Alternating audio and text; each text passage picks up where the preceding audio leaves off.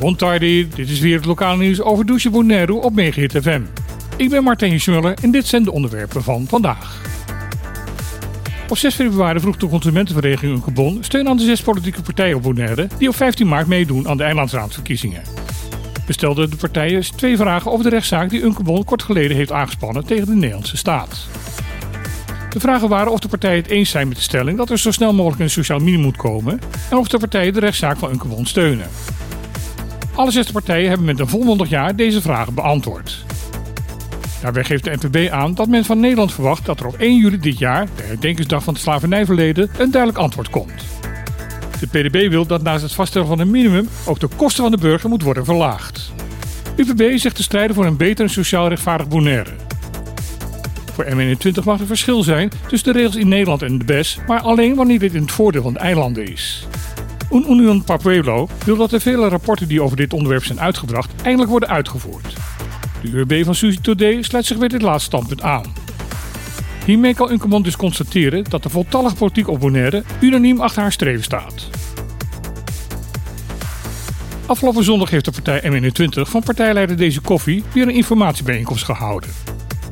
Deze keer was de bijeenkomst speciaal voor mensen met een gehoor- en spraakbeperking. Hiervoor had de partij speciaal een tolk voor gebarentaal ingehuurd. Volgens N21 was het emotioneel om te zien hoe deze vaak bijna vergeten groep via een tolk hun problemen, uitdagingen en wensen kenbaar maakte.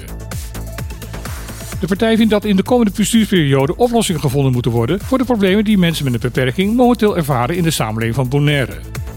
Het gaat hierbij bijvoorbeeld over het onderwijs dat veel te weinig ruimte biedt aan leerlingen die specialistische aandacht nodig hebben. M21 zegt in haar verklaring dat niemand achter mag blijven en dat de mens altijd centraal moet blijven. Het wordt bijna een eentonig verhaal.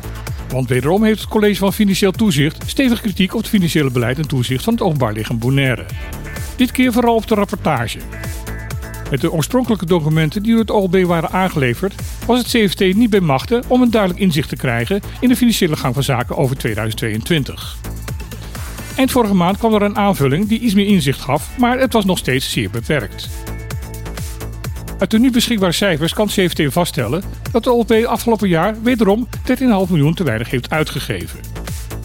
Volgens de klopt deze conclusie niet en is 12,7 miljoen al wel uitgegeven, maar nog niet verwerkt in de gepresenteerde cijfers. Daar zou volgens de lokale overheid het overschot in feite maar 8 ton bedragen. Het CFT zegt echter dat deze berekening nergens in de nu aangeleverde informatie is terug te vinden en houdt daarom vast aan het geconstateerde overschot van 13,5 miljoen. Het CFT zegt het afgelopen jaar meermalen voor een dreigend overschot te hebben gewaarschuwd. Dit vaak tot irritatie van de verantwoordelijk gedeputeerde voor Financiën. In het radioprogramma Op de Klippen zei gedeputeerde Hensen Tielman in de eerste helft van 2022 dat de uitvoering van diverse projecten wat vertraging hadden opgelopen, maar dat dit aan het eind van 2022 geheel rechtgetrokken zou zijn. Het College Financieel Toezicht zegt dat men nog steeds zit te wachten op een reële jaarbegroting, waar zowel de ambities als de beperking van de uitvoeringskracht van het openbaar lichaam tot uiting komen. In plaats van moties in te dienen waarbij de regering van Nederland wordt verzocht om zo snel mogelijk afscheid te nemen van het Caribisch gedeelte van het Koninkrijk, heeft de PVV nu een wetsvoorstel ingediend waarbij nadrukkelijk ook de BES wordt betrokken. De PVV wil namelijk dat tijdelijk de gebruiksbelasting op voedingsmiddelen in heel Nederland wordt afgeschaft. De partij hoopt hiermee een bijdrage te kunnen leveren in de bestrijding van de armoede in Nederland. Dat probleem wordt namelijk steeds groter door de hoge energieprijzen en de extreem hoge inflatie. Het is voor het eerst dat de PVV met een wetsvoorstel komt, waarbij uitdrukkelijk wordt gezegd dat het overzeese gedeelte van Nederland hier ook van moet profiteren.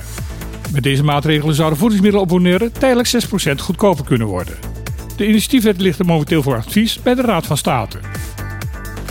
Dit was hier het lokale nieuws bij Megit FM. Ik wens iedereen nog een hele mooie dag en dan graag weer tot morgen.